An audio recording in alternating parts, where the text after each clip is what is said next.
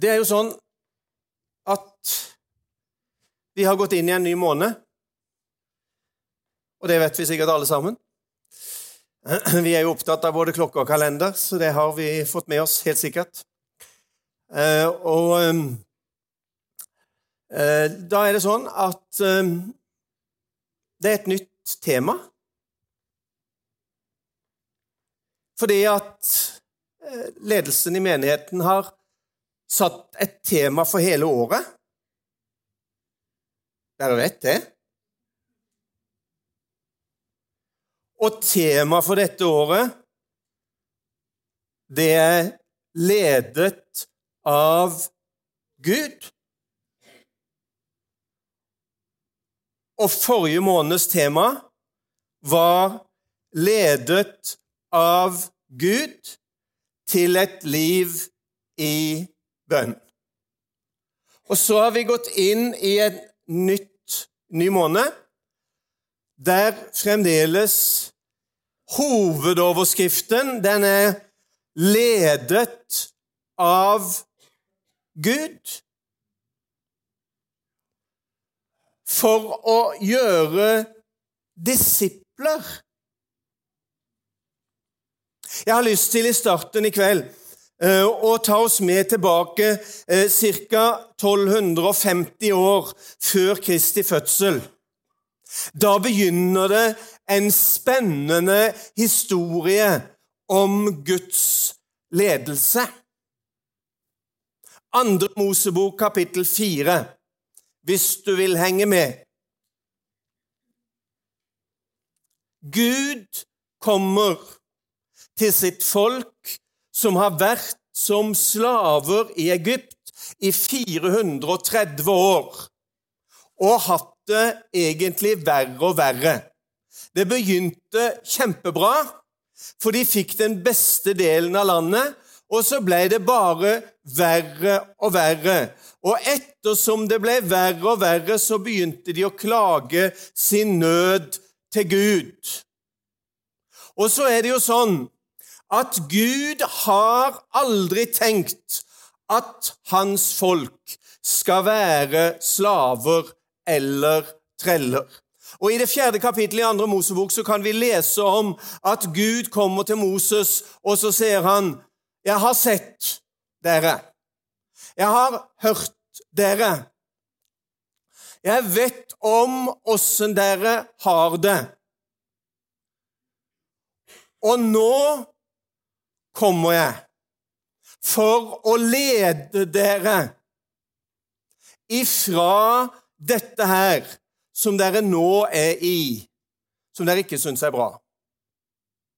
Og for å lede dere inn i noe nytt, og for å lede dere inn i noe godt, for å lede dere inn i et nytt land, det som løftet var gitt om for lenge siden. Men så var de på en eller annen måte, og så er det en stor historie for seg sjøl, kommet ut av det som Gud egentlig hadde sagt. Men nå er Gud der for å sette det hele på spor igjen. Og så kommer Gud på nytt igjen. Og jeg syns det er vidunderlig å oppleve at Gud kommer til oss på nytt igjen. Og hva er det Gud sier når han kommer til oss på nytt igjen? Jo, han sier til oss 'Jeg har sett deg'. Jeg har hørt deg. Jeg vet åssen du har det. Og nå skal jeg fortelle deg hva jeg har tenkt å lede deg inn i, og hvilken vei jeg har tenkt å lede deg. Du skal begynne en ny vandring, og det skal begynne med et lam. Og Så leser vi videre denne historien, og så skulle jeg gjerne hatt kjempelang tid, men de fleste av dere som sitter her, kan denne historien. Men jeg syns den er interessant å ta med som en innledning i kveld. Så begynner det med at Gud sier til sitt folk dere skal ta et lam, dere skal slakte det.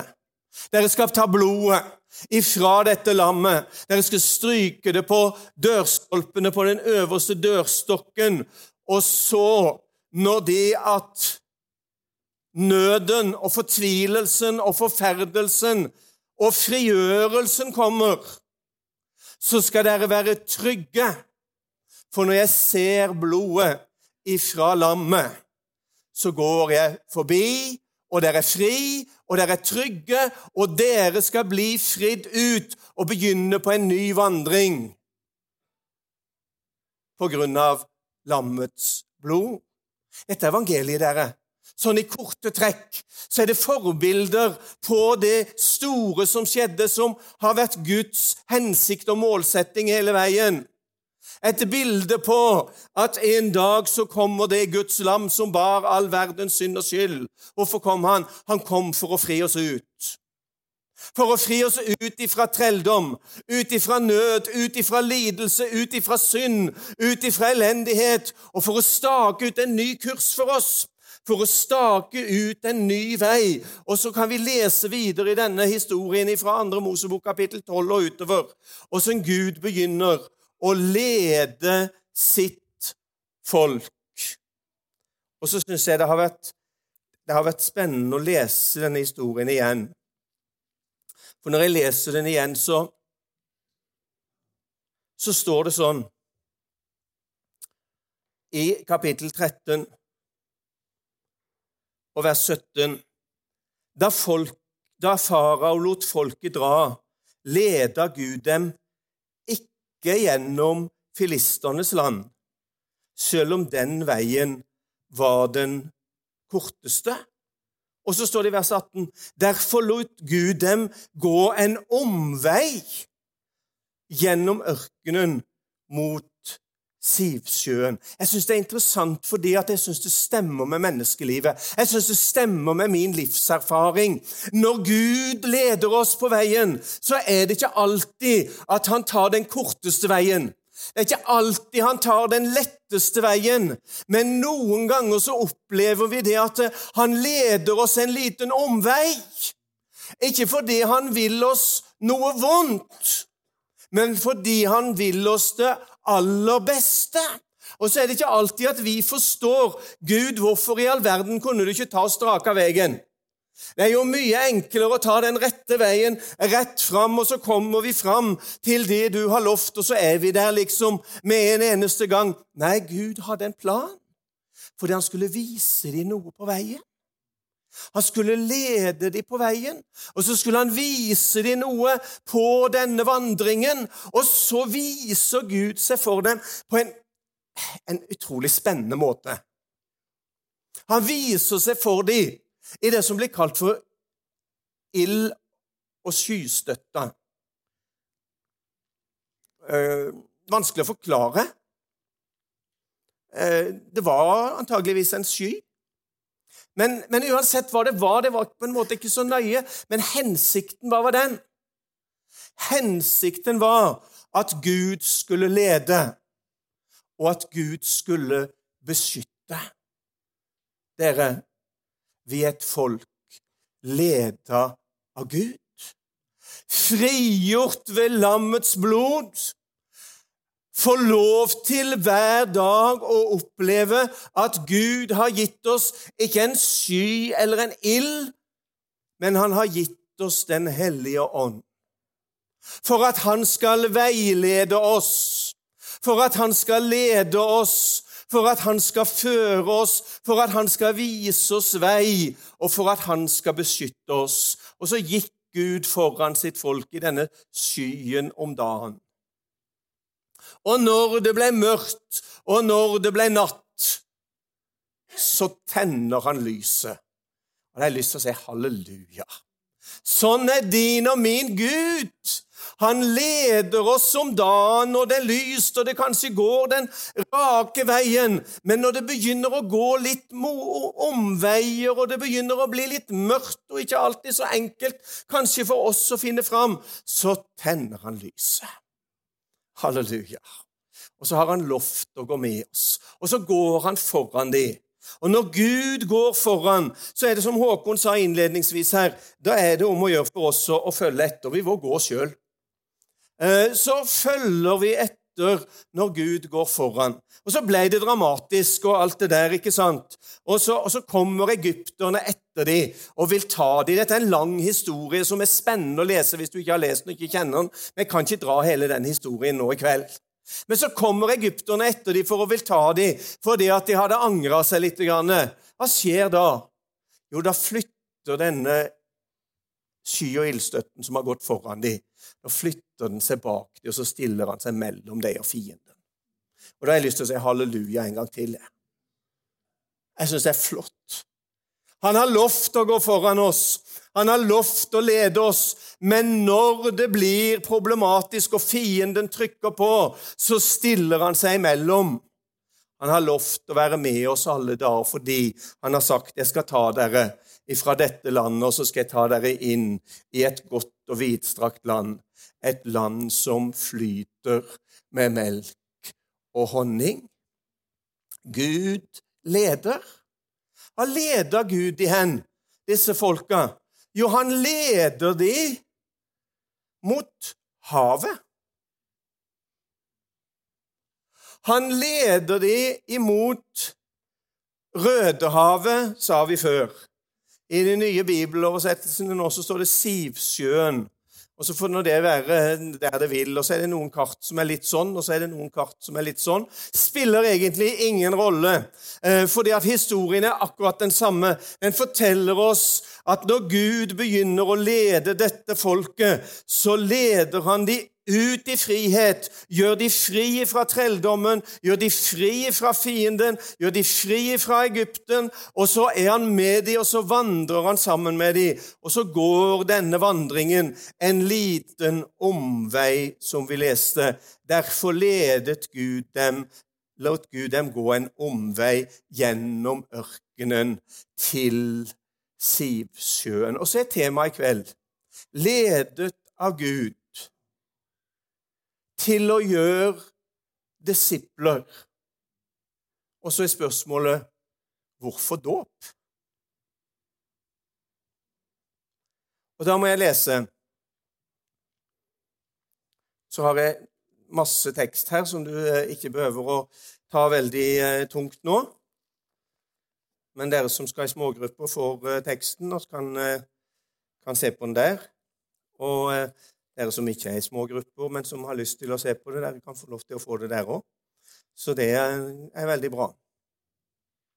Men da skal vi lese ifra Hebreerbrevet. Nei, vi skal ikke lese fra Hebreerbrevet. Vi skal lese fra 1. Korinterbrev, kapittel 10. Det var der jeg gikk litt eh, feil, fordi jeg måtte lese fra kapittel 11 når det var brødsbrytelse. Da skriver Paulus i 1. Korinterbrev, kapittel 10 Jeg vil at dere skal vite dette, søsken. Våre fedre i ørkenen var alle under skyen, og alle gikk gjennom havet. Og alle ble døpt til Moses i skyen og i havet. Alle spiste den samme åndelige mat, og de drakk den samme åndelige drikk, for de drakk av den åndelige klippe som fulgte dem, og denne klippen var Kristus. Og så kjenner vi historien, ikke sant? De kommer til havet, og så er havet havet. Men så taler Gud til Moses, og så sier han, 'Rekk ut staven din.' Og så deler havet seg i to. Og så går de ut i havet. Hele folket. De var 600 000 foruten kvinner og barn. Det er en del, det. Eh, de var sikkert dobbelt så mange. Eh, minst, vil jeg tro. En merkelig tellemåte, ikke sant? Vi kunne ikke ha telt sånn i dag, men, men eh, nå telte de nå en gang sånn. altså over 600 000 foruten kvinner og barn. Og alle disse her skal ut og gjennom havet. Og så kommer fienden etter dem, ikke sant? Og så kjenner vi denne historien om åssen når de er kommet over alle sammen, eh, så kommer fienden etter, og så, og så klapper havet sammen igjen. Dramatisk. Kjempedramatisk. Superdramatisk, egentlig, det som skjedde. Eh, sånn er ofte historien, de bibelske historiene når vi, når vi leser de og liksom på en måte tenker og setter oss inn i det. Men så følger vi dette folket altså igjennom havet, og så kommer de ut på den andre sida. Og når de kommer ut på den andre sida, dere, hva skjer da? Jo, da møter vi Bibelens og hører vi Bibelens første lovsang. Andre Mosebok kapittel 15 begynner sånn. Da sang Moses og israelittene denne sangen for Herren. Jeg vil synge for Herren, for han er høyt opphøyt. Hest og rytter kastet han i havet. Herren er min kraft og min styrke. Han ble min frelse. Han er min Gud, og han vil jeg prise. Min fars Gud. Dere, jeg tror at det er sånn når Gud får lov til å lede oss. Han frir oss ut. Han lover å gå med oss. Han fører oss på veien. Han tenner lyset. Han verner oss for fienden. Og så fører han de til havet. Hvorfor det? Som et vitnesbyrd om nå er alt som hører Egypt til, endelig slutt og endelig over. Det er det det egentlig er et vitnesbyrd om. Nå blir egypterne og alt som hører Egypt til, og alt som hører slitet og trelldommen og fangenskapet og elendigheten og alt sammen Nå får dere et synlig tegn på at det er dødt, og det er begravd, og det ligger igjen i havet, og dere er berga opp på den andre sida. Er det rart de synger en ny sang? Er det rart at de kjenner at gleden og begeistringen eh, den er tent i deres hjerter, og de kommer over på den andre sida? Og tenk hvilket lovsangskor som da løfter sin røst til Herren og priser Han for det Han har gjort. Dere, jeg vil ikke at dere skal være ukjente, sier Paulus, med denne historien om hva som skjedde med folket som ble ført gjennom ørkenen, som ble ført gjennom havet. Og hva er det han sier videre? De ble alle døpt. De ble alle døpt til Moses i skyen og i havet. Og så kunne jeg selvfølgelig i kveld ha talt både om å bli døpt i skyen og å bli døpt i havet, men i kveld så handler det om vann en påminnelse om at når Gud leder, når Gud fører, når Gud leder sitt folk, så leder han sitt folk tidlig på reisa til dåp. Og så er spørsmålet hvorfor skal vi døpe oss? Så skal jeg prøve ganske enkelt, og det blir kanskje litt skjematisk. Og For noen av dere så blir det veldig kjent, men jeg tror det er viktig og nyttig å ta det fram igjen og igjen for oss og minne oss om hva dette egentlig handler om.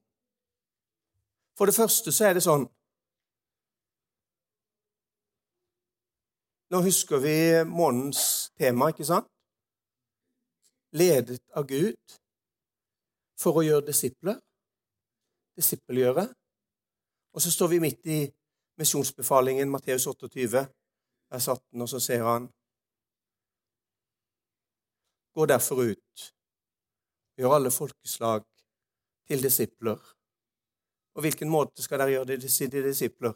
På hvilken måte blir de disipler? Og en disippel Så kunne vi sagt mye om det òg, selvfølgelig. En disippel er eh, Var det du som hadde skrevet den siste i eh? Ja, les eh, månedsprogrammet, da, og så, les Rogers innledning der får du vite hva en disippel er, så trenger jeg ikke å si noe mer om det. For det var en veldig god beskrivelse om åssen det er å være en disippel, en Jesu etterfølger, en lærling, en som lærer for å bli, en som lærer for å gjøre. Og så sier Jesus, gå og gjør alle folkeslag til disipler idet dere døper dem. Døper dem til Faderens og Sønnens og Den hellige ånds navn og lærer dem holde alt det jeg har befalt dere, og se jeg med dere alle dager inntil verdens ende. Hvorfor døpe seg? Jo, fordi at Jesus har sagt det. Trenger vi å gjøre det vanskeligere enn det? Jesus har sagt det. Han befaler at vi skal døpe.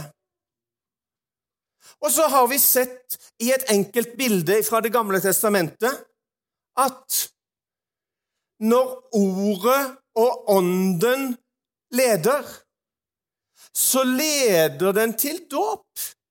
Altså, Gud leder sitt folk, og han leder sitt folk til havet. Hvorfor leder han sitt folk til havet? Jo, han leder sitt folk til havet for at de skulle få legge bak seg og ha et synlig og konkret vitnesbyrd og eksempel på at det som har vært, det er slutt. Og nå har vi begynt på en ny vandring. Og nå har vi fått en ny sang. Han la en ny sang i vår munn, en lovsang til vår Gud. Så jeg tror så enkelt at når vi lar Guds ord og Den hellige ånd få lov til å lede oss, ledet av Gud, så leder han oss til havet. Og så er det jo vanskelig for en som har et baptistisk dåpssyn, å tale dåp uten å snakke om historien om Philip og Hoffmann fra apostelgjerningene kapittel 8. Det er en flott historie. Nå blir det en del sånne historiebeskrivelser i kveld. Og Bibelen er veldig mange fine historier eh, som er verd å ta med seg, og gode fortellinger om det Gud har gjort og det Gud har sagt, Eh, som vi kan få lov til å ta lærdom av. Og så kjenner vi denne historien òg. Åssen denne mannen han sitter der og leser fra profeten Jesajas bok, og så kommer Philip bort til han og sier 'Skjønner du det du leser?' Nei, selvfølgelig så skjønner han ingenting. Og så begynner Philip å legge ut for han om det som han leser. Han leser om lammet. Han leser om blodet, han leser om forløsningen og frigjøringa som vi har snakka om allerede nå i kveld. Og Så kommer de til et sted det er vann, og så sier denne etiopiske hoffmann her er det vann. Er det noe i veien for at jeg kan bli døpt? Kom igjen! altså Han leder meg til dåp. Her har det gått fort. Jeg har tatt imot, jeg har hørt og jeg har fått tatt imot evangelisk budskap. Og, og, og her er det vann. Er det noe å vente med? Er det noe å drøye med dette her? da? da her er det vann nok. Kom igjen. Hva er til hinder?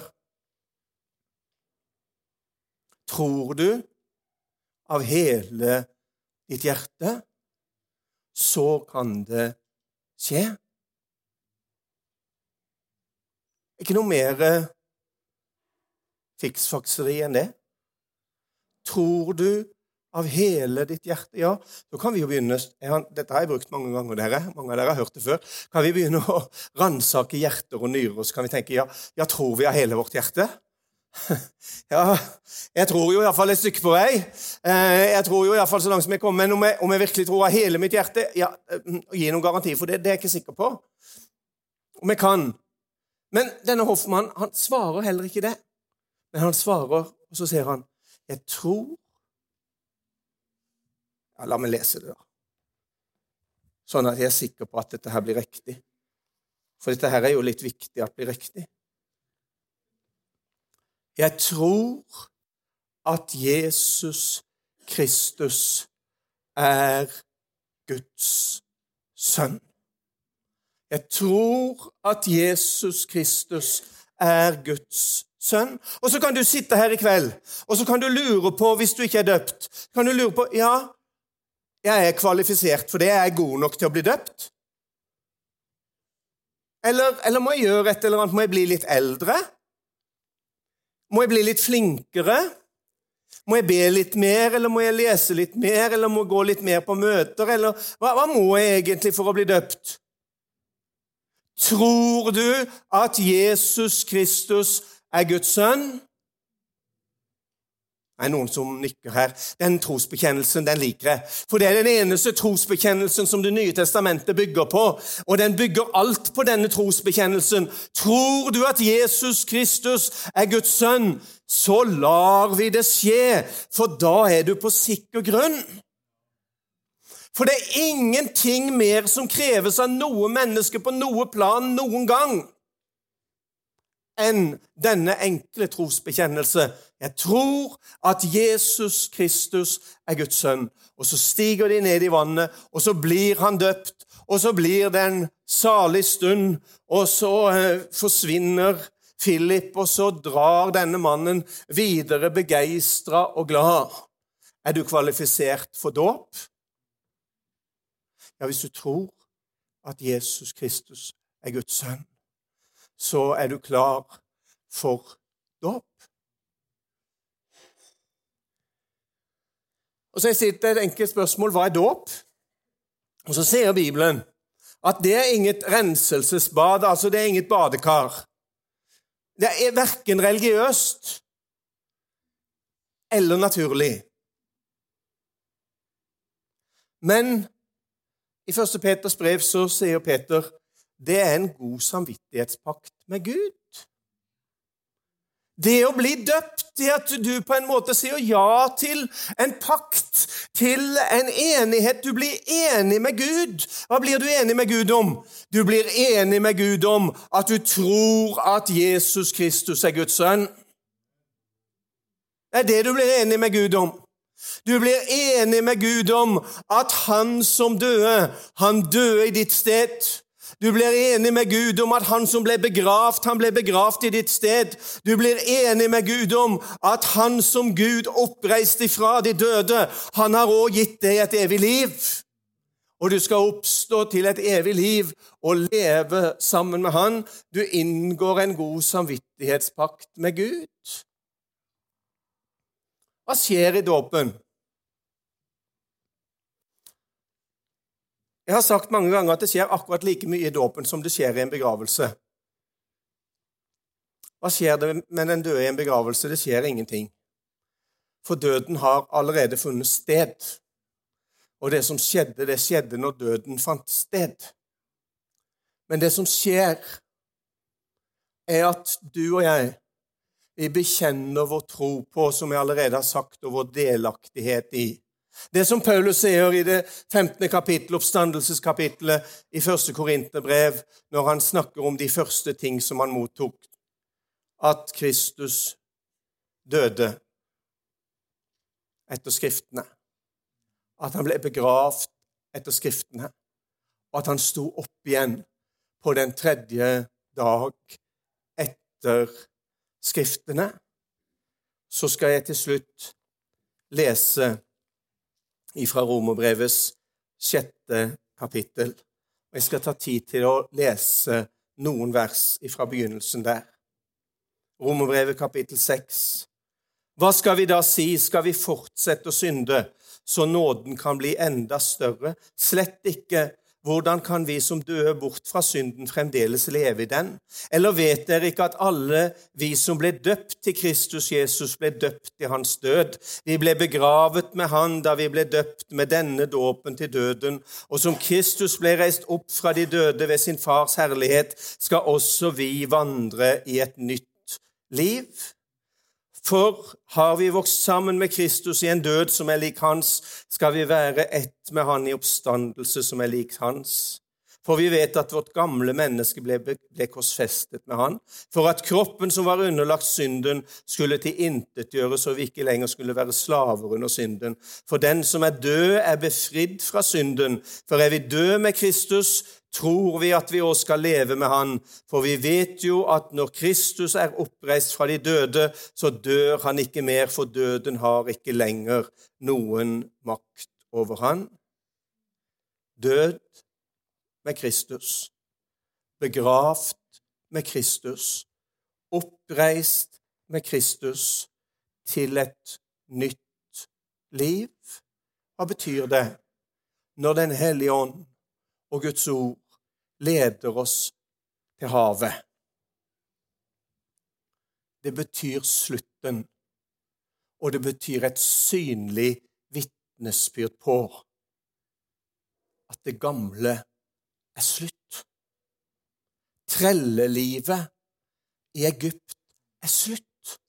Alt som hørte det gamle til, er avslutta. Jeg er død med Kristus. På samme måte som Kristus døde, så skal jeg få lov til å regne meg som død med Han, og se at det som hørte det gamle livet til, det er et dødt og avslutta kapittel. Og som et synlig tegn og bevis på det, så lar jeg meg begrave med Kristus på min egen bekjennelse og tro. Og så har jeg dette synlige beviset på Jo, men når liksom anklagen og fordømmelsen og alt dette gamle kommer ruskende fram igjen, for det gjør det jo hele tida, så kan jeg bare henvise til han som anklager, til han som fordømmer. Og så kan jeg si, husk på det, Kjell er død med Kristus, og Kjell er begravd med Kristus. Så alt det der du snakker om, det er et avslutta kapittel. Og ikke bare det, men Kjell er òg reist opp med Kristus til et nytt liv og fått del i det levende håpet og det evige livet i sammen med Han. Et vitnesbyrd om at trellelivet er slutt, at vi er født inn i et nytt liv. Og så er det godt av dere, er det ikke det? Det er godt å kjenne litt på denne sangen. Den nye sangen der inne som du kjenner Halleluja. Det er ikke noe av meg sjøl, det er ikke noe jeg har gjort, det er ikke noe jeg har fortjent, men det er noe jeg har fått del i uforskyldt av nåde. Døperen Johannes han gikk rundt og forkynte. Han forkynte en annen dåp, men han forkynte dåp. Og Når døperen Johannes forkynte dåp, så står det om de fleste, ikke om alle, men det står om de fleste. De ga Gud rett og lot seg døpe. Og så er spørsmålet til deg som er her i dag, og som kanskje enda ikke er døpt skal du gi Gud rett og la deg døpe. Gud velsigne deg til det. Amen.